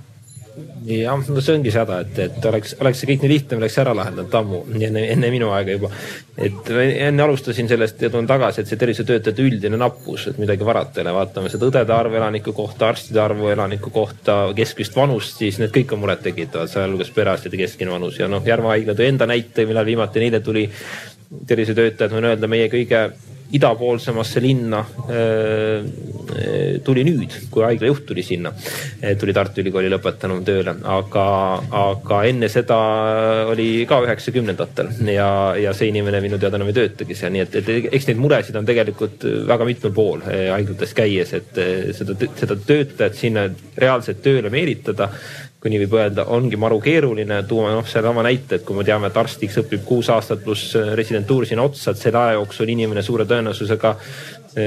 muutub üsna paikseks juba, et võib-olla elukoht, võib-olla on ka perekond loodud juba ja, ja, ja ta ja tihtipeale ka see karjääri väljavaade on ju paratamatult sul suures haiglas noh, perspektiivikam äh, kui, kui, kui üldhaiglas. Ja, ja paratamatult tuleb siis kombineerida, nagu öeldi, et noh, roteerida natuke, kanda residentuuri osas on ta, on ta mujal et ka seda üldhaiglase teenust pakkuda. nüüd, kui tuleb erasektor nii-öelda mängu, kes ka sama eh, selle piiratud ressursi peale, kui nii öelda inimeste kohta konkureerib, siis, siis loomulikult on ühest küljest nagu mure.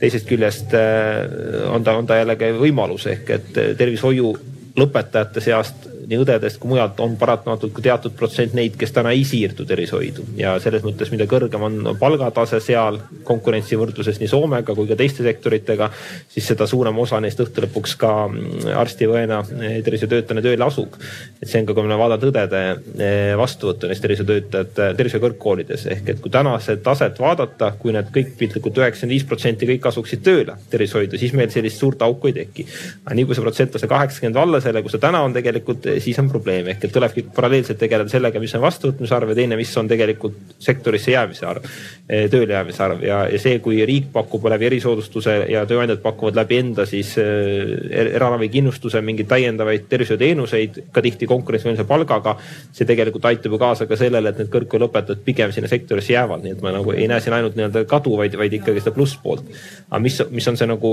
ma arvan ka haiglajuhi vaates või ka mis tahes tervishoiutöötajate vaates küsimus on see, et, et mis need teenused teenused siis õieti on, ehk et kas need on need teenused, mida inimene vajab, mida, mida riik täiendavalt maksab, siis kehtib see loogika nagu, nagu Joel siin ütles, et tuleb lisaressurssi tervishoidu või need on mingid teenused, nii-öelda nice to have teenused, ütleme niimoodi. ehk tervishoius võib ka teha mõlemat, võid teha ka analüüse tervele inimesele igaks juhuks, millel tegelikult kasutegurit ei ole, aga, aga, aga noh, kasuteguri vajadus võib ka selguda pärast analüüsi tegemist, et kas seal on midagi pihta hakata sellega mitte. et see on see koht, miks tihtipeale, oleme ausad, riigi esindajad on olnud kriitilised selliste nii-öelda erateenuste suhtes, et kas need tehakse vajaduspõhiselt või tehakse sellepärast, et, et on raha ja võimalus teha. Ja, ja loomulikult meditsiiniliselt on ju, on ju vaja, et tehtaks ikkagi neid analüüse, neid tegevusi, neid raviteenuseid, mida inimene päriselt vajab. mitte need igaks juhuks ja, ja, ja lihtsalt noh, seetõttu, et patsient nõus on. Ma intervjueerisin enne, kui me seda arutelu, siia arutelule tulime, intervjueerisin ka ühte eraravikindlustuse juhti ja tema ütles küll seda, et päris mitmed arstid on tulnud hoopis Soomest tagasi ja just nimelt sellel põhjusel, et noh, mida siin sai nimetatud, et äh, üks on palgatase, teine on töö, töö iseloom, et, äh, et teatud äh, olukordades nad juba tulevad tagasi ja läbi selle siis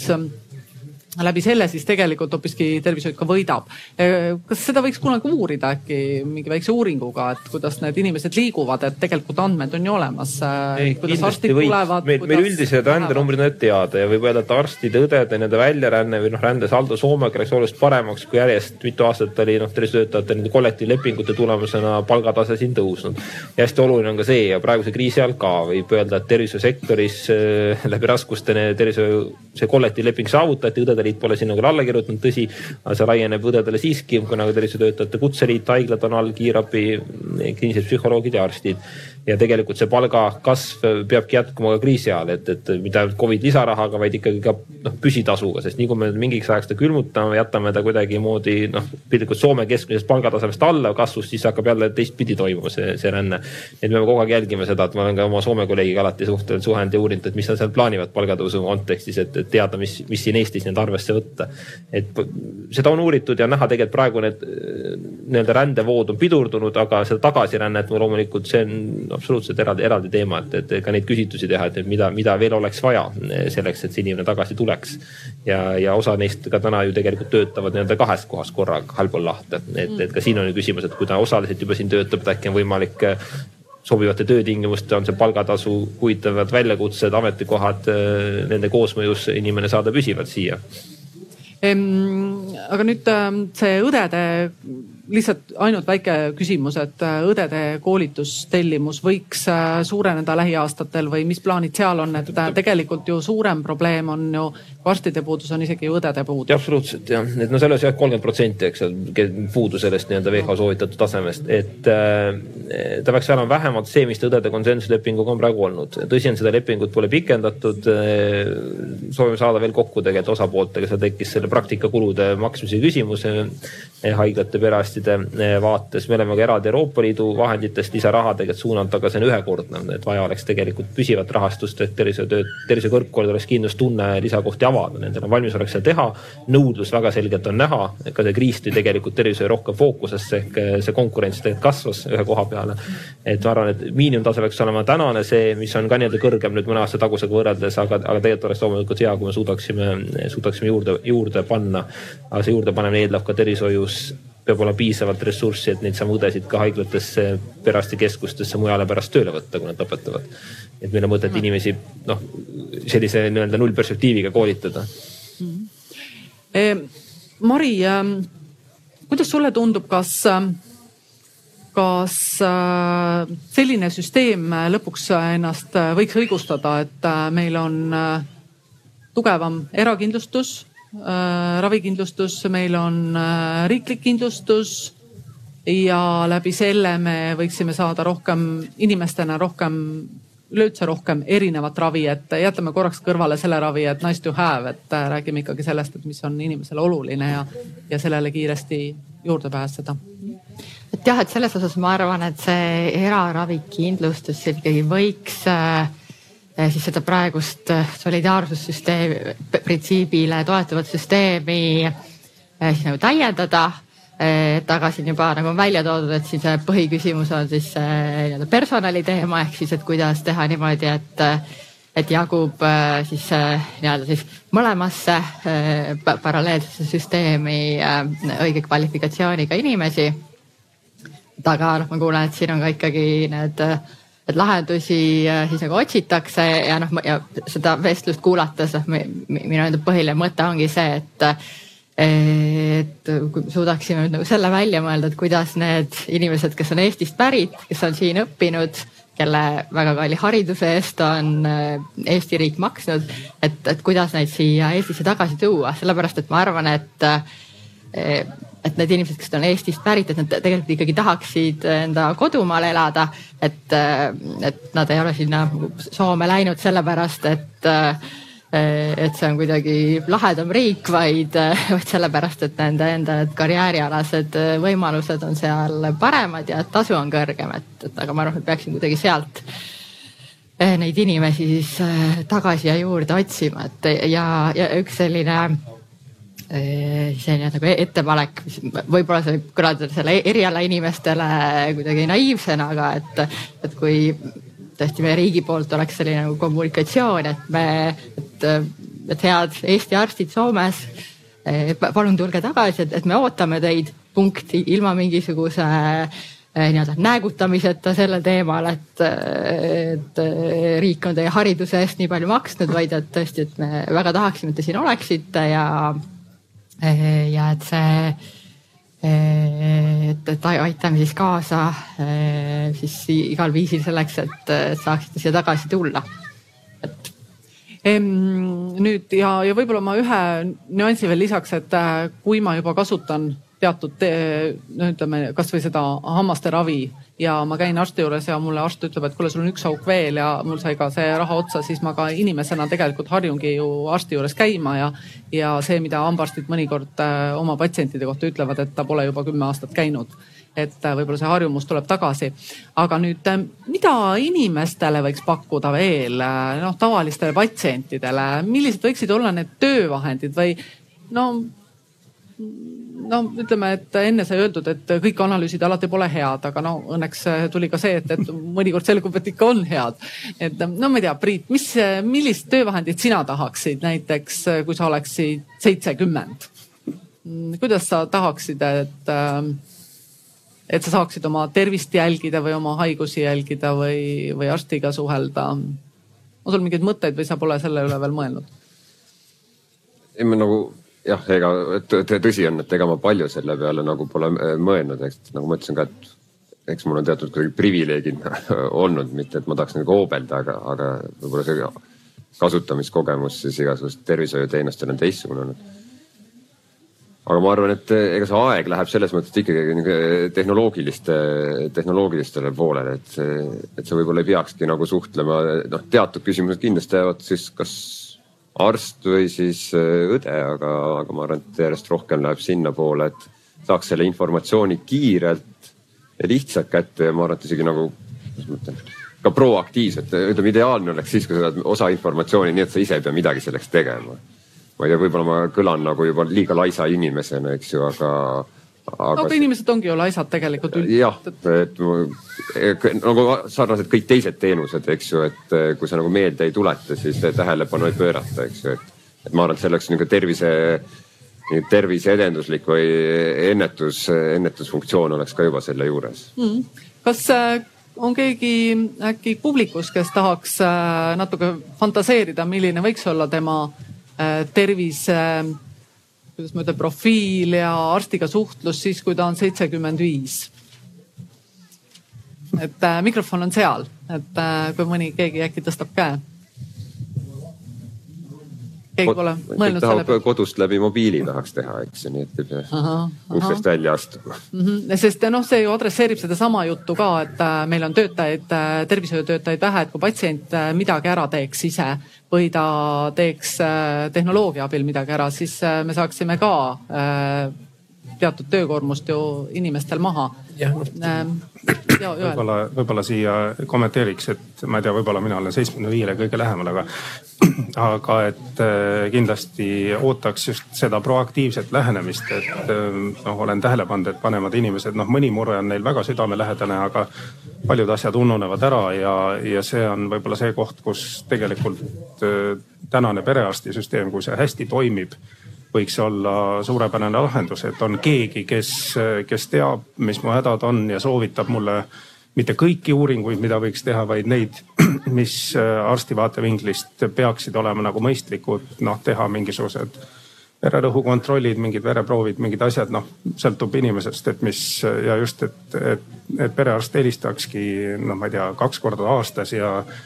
ja ütleks, et ole hea, tule läbi, et vaatame, vaatame su üle ja teeme need ja need asjad ära, et, et, et see on võib-olla see, mida üks vanem inimene vajab, et tal endal ei tule need kõik asjad meelde lihtsalt. aga kuidas sa suhtuksid, kui äh, ei helista mitte perearst, vaid sa saaksid lihtsalt äh, teatud sõnumi, et kuule, et nüüd on sul aeg tulla teatud äh, mingisugust analüüsi andma? no selles mõttes. ja, ja et... aeg on sul siin ja kui sulle ei meeldi, siis muuda see aeg ära ma arvan, et vanem inimene vähemalt täna. võta vanem..., võta, võta ennast äh, seitsmekümne viiesed ja, ja ära hakka rääkima oma vanaemast. et proovi ennast mõelda, et äh, kas see võiks sulle sobida? ma ei oska öelda, et, äh, et inimesed ikkagi muutuvad ka vananedes, et, et mingisugune mingisugused kiiksud tulevad juurde ja, ja keegi peab oskama sinuga suhelda, eks ole, noh ühega ühtmoodi, teisega teistmoodi, et no võib-olla igasugune tehisintellekt ka areneb ja, ja suudab varsti robot ka sulle rääkida, et. perearsti häälega. perearsti häälega et tule, et tule nüüd, eks ole, et eh, kuskilt telefonist, aga, aga ma arvan, et mida vanem inimene, seda olulisemaks siiski selline noh, nii-öelda inimlik suht-, suhtlus muutub, et, et no ma ei tea, võib-olla, võib-olla kolmekümne aasta pärast kõik vanainimesed istuvad Facebookis, aga, aga miskipärast arvan, et võib-olla ka mitte päris kõik. Nad on sellest üle, välja kasvanud, aga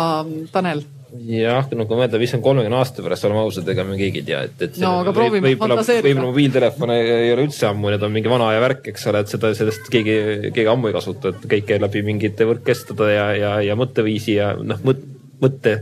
kaudu mõjutamise ja muude taoliste. andurid juba ajus. absoluutselt, eh, aga aga kui rääkida, mis on nagu realistlikud ja mis praegu võiks noh, nii-öelda, mis on jäänud üle see Covid kriisi ajal kahjuks natuke tahaplaanile, on kõik, mis puudutab personaalmeditsiini ja seda poolt, mis ehk et eh, meil on väga paljud, ma arvan ka siit ruumidest on nii-öelda geenidoonorid olnud ja geenivaramus on üle kahesaja tuhande andme kogutud ehk et kõik sellised eh, uuringutele kutsumised konkreetse inimese nii-öelda riskimaatriksi põhiselt ehk et kas tal on või ei ole konkreetset siis geenide alusel hinnanguliselt vaja on südame-veres, südame-veresoonkonna haigusi karta, teatud äh, vähitõvesid, vorme. Samamoodi kõikvõimalikud ravimsoovitused, mida täna juba tehakse, et mis on võimalik teha nii-öelda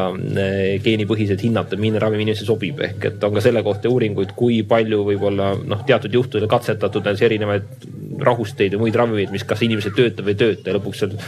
üldjuhul jõutakse paari korraga, saadakse nii-öelda pihta, aga on ka neid olukordi, kus inimene katsetab enne seal kümmekond ravimit, kui ta lõpuks jõuab selleni, mis talle töötab. Ja tegelikult seda protsessi saaks kõike kiirendada. ja kui me räägime eakate toetamisest, siis kindlasti on, on ka siin neid nutilahendusi, palju. On räägitud nii-öelda targad, targast noh, tehnoloogiast on ta kuni külmikuni välja, et, et mis ütleb sulle ära, et kas sa võtsid hommikul oma rohud ära ja võtnud seda ära ja tuletab sulle meelde, et sul on täna sammud tegemata või muu taoline. et, et sellist üheaegset nii-öelda tervist ennetuspoolt ehk liikumist toetavat, teisest küljest ka personaalseid soovitusi andvat, et, et sul on mingid konkreetsed ravimid välja kirjutatud, kas nad on välja ostetud, kas on ja kui on välja ostetud, kas nad on õigel ajal võetud, et aitaks selliseid asju nii-öelda meeles pidada, meelde tuletada, et meil on täna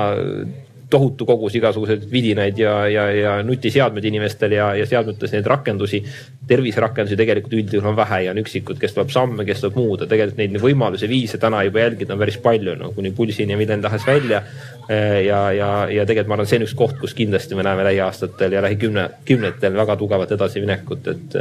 ja see tekitab omakorda nüüd siukseid eeti, eetilisi küsimusi ja muresid loomulikult, et kui palju on võimalik ja, ja kui spetsiifiliselt neid ravimisoovitusi anda inimesele, et noh. ma toon meelega selle näite nüüd, et kui räägime näiteks just eh, geenipõhistest diagnoosidest, ennustustest, eh, et, et kas sa ütled näiteks eh, kuueaastasele lapsele, et, et sul on suurem diagnoos, tõenäosus saada mingil vanuses vähkkasve näiteks, et kas sa ütled talle seda, aga seda vanemale ütled või ütle seda ja kes seda otsustab, et kas tal on vaja seda teada, mitte vaja seda teada või, või ta tegelikult ärevus ja stress, mis sellega kaasneb, on nii palju suurem kui see kasutegur sellest, et ta nüüd teeb kuue aastat, et ta peab hakkama ettevaatlikult tarbima mingisuguseid rasvu või teatud toite. kindlasti selts ka saab teada, eks ole. absoluutselt, need debatid debatid, absoluutselt ja see, see on ka, et, et kui me hakkame neid uuringuid ka tegema, et kuhu, kuhu need andmed liiguvad ja edasi, et need on teemad, mis on natuke jäänud võib-olla tahaplaanile Covid kriisi ajal, mis tegelikult olid nii-öelda meie töölaual ja on ka täna. ja kus on need väga palju selliseid mitte ainult äh, tervisevaldkonna aspekte, vaid just juriidilisi ja ka eetilisi asju, mis tuleb selgeks vaielda, selgeks arutada, et ja, ja ma arvan, siin ei olegi nagu ühte vastust, et mõni inimene ei taha kuuldagi sellest, teine tahaks kõike teada, tahaks oma juba enne lapse sündi teada, mis on need võimalused ja riskid ja, ja, ja teine ütleb, et usun, et see on saatus ja, või jumala kätes või kes mida ütleb ja, ja ongi noh, erinev maailmavaade, erinev arusaam ja riik peab seal keskel kuidagimoodi kõiki neid äh, huvisid ja eri seisukohti maandama. no aga tõenäoliselt trend on ikkagi selles suunas, et sa tahad järjest rohkem saada teada, eks, et ega sa vaatad, sa tõid hea näite, eks ju no,. sa, sa ise ka isa, eks ju, siin hiljuti saan ma ka, eks ju. et sa teed see kromosoomi test on nagu, ma kujutan ette, suur enamus teeb selle ära, eks ju, et. ja kindlasti et, ja, ja võib-olla nagu veel, kui mõelda edasi siit, see teine pool on see, kui ähm, kuhu kulub tavaliselt äh, patsientidel ka aega, eriti kui haigus võib-olla noh, ütleme on mõnikord keeruline, on see, et, äh, et on mingisugused algoritmid, millega on võimalik ka teatud haigusi kas välistada või mitte välistada ise. et ähm, ja noh, ilmselt see pool, et mida rohkem äh, uusi uusi tehisintellekte luua, seda rohkem tuleb meil rääkida ka edasi sellest eetika poolest, et äh, see ei ole ka kunagi lõpuni räägitud. Äh, no kõik see ärevus ja vaimse tervise mõjud ja kõik see, mis, mis sellega jälle kaasneb, kui sulle hakkab niimoodi mm. -hmm no kuidas see kõlab siis, äh, et olete seitsekümmend viis, mõned võib-olla ongi juba täna siin seitsekümmend viis, aga, aga need, kes veel ei ole, et kas võtaksite kasutada mõne sellise äh, aega säästva, aga samas head, õiget äh, tulemust andva, andva rakenduse. tõstke käsi, kes võtaks. ahah, no nii. Äh, mida te kasutate? no väga hea. Äh, kas veel midagi? Nonii, Madis, mis peame lõpetama või? ei, ei, et tõenäoliselt kellad, mis Aha. näitavad samme ja. ja, mm, ja, ja, ja muidugi mm. -hmm. ja see liigub siis kuhu, kohe otse perearsti? Mm -hmm. isegi mitte sinul? aga võiks Aha. liikuda tegelikult. aga võiks liikuda jah mm -hmm.? okei okay., aga sa töötad selle nimel? Mm -hmm. väga hea, selge kas keegi tahaks küsida midagi meie mm, toredatelt äh, arvajatelt ja arutlejatelt täna siin veel? on väga hea, ja palun. üks, üks, ahah. no nii, Madis Tiik on perearst. et ma küsiks võib-olla, et väga palju käib jutu sellest, et meil on nagu tööjõu defitsiit ja, ja, ja, ja tegelikult, et on õdesid puudu, arste puudu, aga, aga ma ütlen, et tegelikult ma tegin kahe tuhande kolmanda aastal sotsiaalministeeriumi tellimusel esimese analüüsi perearstide vanuselisest struktuurist ja eesolevatest probleemidest see on peaaegu kakskümmend aastat on läinud ja me räägime ikka samast asjast, et on vaja juurde koolitada ja juurde meelitada ja palka tõsta. et kas tõesti ei ole nagu mitte ühtegi inimest, kes mõtleks nagu, et aga äkki on ka teisi lahendusi, et, et eh, me ei suuda tööjõu defitsiiti lahendada mitte kunagi, olgem ausad. Et eh, tänu erinevatele põhjustele kogu aeg eh, abivajajaid tuleb juurde ja pigem me peame vaatama seda, et, et kuidas Eh, tugevdada seda olemasolevat, on see siis esmatasandit või ükskõik keda, täiendava ressursiga ja ma ei mõtle rahalist ressurssi ainult, vaid ma mõtlen ka abitööjõudu, eks, et arst või õde ei peaks istuma telefoni otsas ja helistama patsientidele, et palun tule vaktsineerima või oi, et täna see aeg ei sobi, et kui palju meil läheb kvaliteetset Eh, kõrgelt spetsialiseeritud tööjõu aega raisku eh, tühja tähja peale. et tegelikult selle võiks kõik nagu eh, nendelt ära võtta ja meil oleks kohe ressurssi palju rohkem tegeleda sisuliste küsimustega. aga seal põrkume nii paljude erinevate probleemide otsa, bürokraatia, seadusandlus, eks, et et, et sisuliselt arst tohib ainult kõiki asju teha, õde tohib teha väga minimaalselt ise otsuseid, eks. rääkimata veel võib-olla parameedikust või registraatorist või, või, või mõnest füsioterapeudist, kes võiks iseseisvalt vastu otsuseid, aga arst peab igal pool nagu olema kaasas ja, ja nagu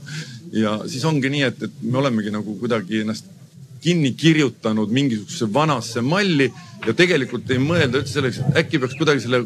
tööprotsessi kogu aeg nagu lahti arutama ja vaatama, et mis see tänapäevane võimalus on, et teha see asi teistmoodi. et eh, ma ei ole ühtegi debatti kahekümne aasta jooksul sel teemal kuulnud, et, et eh, võib-olla minister ja, ja siin haigla äh, nii-öelda või ütleme, et jah, et, et kes, kes nagu oskaks, võtaks selle äh, vedava rolli ja, ja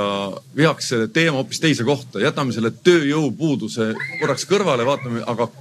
mis siis, kui me lahendaks seda hoopis teistmoodi? ehk et äh, tegelikult äh, me küll peaksime töötajaid juurde võtma, aga, aga hoopis teise haridustasemega ja läbi selle siis vabastama ressurssi. me rääkisime sellest teate neli tundi tagasi, aga sellest ei ole midagi, äh, sest siis ei olnud meil suurepäraseid esinejaid siin, et ähm, äkki ministeerium siis räägib, kas see on juba laual? ja alustame sellest, mida tehakse, siis sellest, mida võiks teha. tervisekeskuste loomine üle Eesti näiteks on just üks konkreetne näide kus me püüamegi seda tööjõudu ja ütleme, tegevusi mõistlikult ringi jaotada, et väga paljudes tervisekeskustes nüüd ei näe inimest küsijat, on just see loogika, et ees on registraator, et on eraldi inimene selleks, kes ei pea olema tervishoiuharidusega. selleks, et patsiente vastuvõtule kirja panna, selleks, et lihtsamatele küsimustele vastata ja see tegelikult just selliste noh, nii-öelda koondunud ähm, perearstikeskuste puhul hästi toimibki, et kui on nii-öelda üksik äh, praksised perearstid äh, pereõega, siis on jälle keerulisem, et tekib küsimus, et kas me anname kõigile siis selle võimekuse, see eeldab päris arvestatud lisaraha täiendava töötaja palkamiseks või me teeme seda ajutiselt eh, aga, aga pigem ma ise toetan seda tervisekeskuste mudelit, kus, kus see täiendav tööjõud tuleb sinna keskusesse nii-öelda kollektiivi toetama ja, ja kokkuvõttes ka tervisekeskuse mudel toetab üksteise asendamist puhkuste ajal, töö ajal ja mõistlikumat töö korraldamist. et see on kindlasti üks osa, mida, mis toimib täna. teine pool, et teha sellist äh, no ütleme suuremat, äh, nimetame siis revisjoniks või sellist äh, ülevaadet. Äh, ma arvan, see on täitsa nagu adekvaatne mõte, et kindlasti me vaatame üle haiglavõrgu kava, integreeritud nii-öelda tervisevõrgu kava kaks tuhat nelikümmend, kus siis võtame ka tervisekeskused, ka need esmatasandid ja haiglate vaadet. Aga, aga noh, printsiibis, et kas tänane mudel on parim ja, ja mis saaks olla alternatiivid, ma arvan, seda hinnata võib ikka, see ei tähenda, et kohe tuleb tegema hakata, aga, aga sellise noh, ma ei tea, raporti tegemise või revisjoni tegemine ma arvan, see iseenesest on tervemõistuslik mõte ja äh, ilmselt siis loodetavasti õed ka kaasatakse sinna, et äh, ma saan aru, et, et kui arstid kogu aeg ütlevad, et nad peavad igal pool kaasas olema, siis see minu jaoks kõneleb seda, et arstid ongi teinud need kavad, sellepärast et noh, ikka tahad ju kontrollida, kuidas teised tööd teevad tööjaotuse puhul on jah niimoodi, et äh, oleme ausad, et suuremad debatid tihtipeale on tervisevaldkonna enda sees nende küsimustes, et, et kohtud äh, arstide liiduga, õdede liiduga, veel mõne erialaliiduga, saad kolm-neli erinevat sisendit ja siis haiglate liitult veel viienda hoiaku e,. siis ongi variant, et kas sa lähed nii-öelda äh, jõuga või niimoodi läbi parlamendi mingisugust rolli ümber vaatama või sa püüad selle siiski enne tervishoiusüsteemis kokku leppida, et teatud küsimustes on see edu toonud, aga ma olen nõus, et õdede õiguste laiendamine on meil käinud liiga aeglaselt ja liiga niimoodi võib-olla ettevaatlikult olukorras, kus, kus õde pole ka mitte kaugeltki nii-öelda tänavalt sisse tulnud inimene, vaid kolm pool aastat õppinud või veelgi kauem, kui tegemist on eriaega haridust omandanud inimene, pluss kogemusi omandanud ja nende pädevused on mitte ainult Eestis, vaid igal pool maailmas tegelikult ju tõusmas nii, meile ilmselt antakse märku, et me peame lõpetama ehm,. ma väga tänan kõiki esinejaid, kas ähm, on veel osalejatel mõni mõte, mida te tahaksite siit kaasa võtta või tahaksite eriti esile tuua, et mis on, mis on äh, oluline sellest vestlusest? minu jaoks äh, oli positiivne, et äh, erisoodustusmaksu piirmäär võiks olla läbiräägitav ehk et, et töötajatel võiks olla raha rohkem, et oma tervisest hoi-, oma tervist hoida ja teistpidi ka seesama mõte, et, et tegelikult oleks vaja meil tugiisikuid juurde süsteemi. selmet äh, kogu aeg rääkida, et meil on vaja hästi palju kogu aeg arste ja õdesid juurde koolitada. Äh, kas keegi tahab, Joel, midagi? Võib-olla korra veel siia viimaseks mõtteks äh, lisaks juurde selle, et mingisugune väike omaosalus nii-öelda võiks alati jääda patsiendil, kui ta tarvitab tervishoiuteenust, eh, seda nii era kui, kui siis riiklikus süsteemis ja, ja just selline, mis motiveeriks teda siis mitte kasutama või mitte minema tegema neid uuringuid, mis talle ei tundu mõistlikud, et kui arst ei suuda talle ikka ära põhjendada, et noh, teeme sulle veel EKG ja teeme veel mingi asja, eks ole, ja aga et see maksab sulle, ma ei tea, kolm viiskümmend juurde, et siis eh, noh, kuigi tegelikult maksab kolmkümmend viis või ma ei tea, kolmsada eurot, eks ole. aga, aga et nagu väike selline noh, nii-öelda kontroll võiks alati olla selles, et tegelikult ei peaks noh, kõik asjad olema tasuta, et on inimesi jah, kelle jaoks ka see kolm viiskümmend on palju, see võiks olla juba nii-öelda sotsiaalvaldkonna küsimus, et, et talle võimalik siis mingit kompensatsiooni või toetust saada, mitte tervishoiusüsteemi küsimus, et et, et nii-öelda selleks, et vältida neid nii-öelda ilmaasjata tehtavaid teenuseid, siis alati nii-öelda mingi, mingi väike omaosalus inimesele jääda. Mari, mis sa, kuidas sa näed, et äh, mis võiks olla siis, kui sina oled kunagi seitsekümmend viis, nii seitsmekümne aasta pärast või?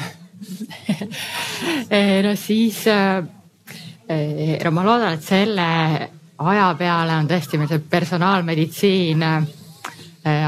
arenenud välja sinna, millest me siin praegu ainult noh, niimoodi unistame, peame plaani ja hulk inimesi, eks ole, teeb ka teaduse valdkonnas reaalset tööd selle nimel, et äh, et oleks võimalik saada siis täpselt niimoodi nii-öelda minu enda muredele nagu spetsiifilisi lahendusi. niimoodi, et ei peaks katsetama selle kümne erineva ravimiga, enne kui saan teada, et need üheksa esimest ei sobinud aga teiselt poolt jah, ma arvan, et seitsmekümne aastasena ma, ma kindlasti sooviksin äh, ikkagi, et äh, perearst äh, siis suhtleks minuga vahetult äh,. Ja soovin, et äh, äkki selleks oleks see süsteem selline, et äh,, et tal on ka seda ajalist ressurssi natuke rohkem, mida iga patsiendi vastuvõtule pühendada. Versus siis see, et kui ma nüüd ei eksi, et siis äh, hetkel on ju siin äh, perearstidel nii-öelda vastuvõtuks ette nähtud siis nii-öelda paberite järgi siis kakskümmend minutit, mille sisse peab siis kõik see ärakuulamine,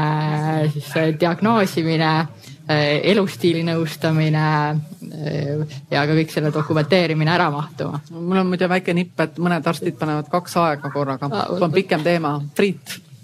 võib-olla täiendaksin seda oma vastutuse osakaalu asja, et ja ma arvan, et tulevikus võiks sinna suunas liikuda, et see on kuidagi su,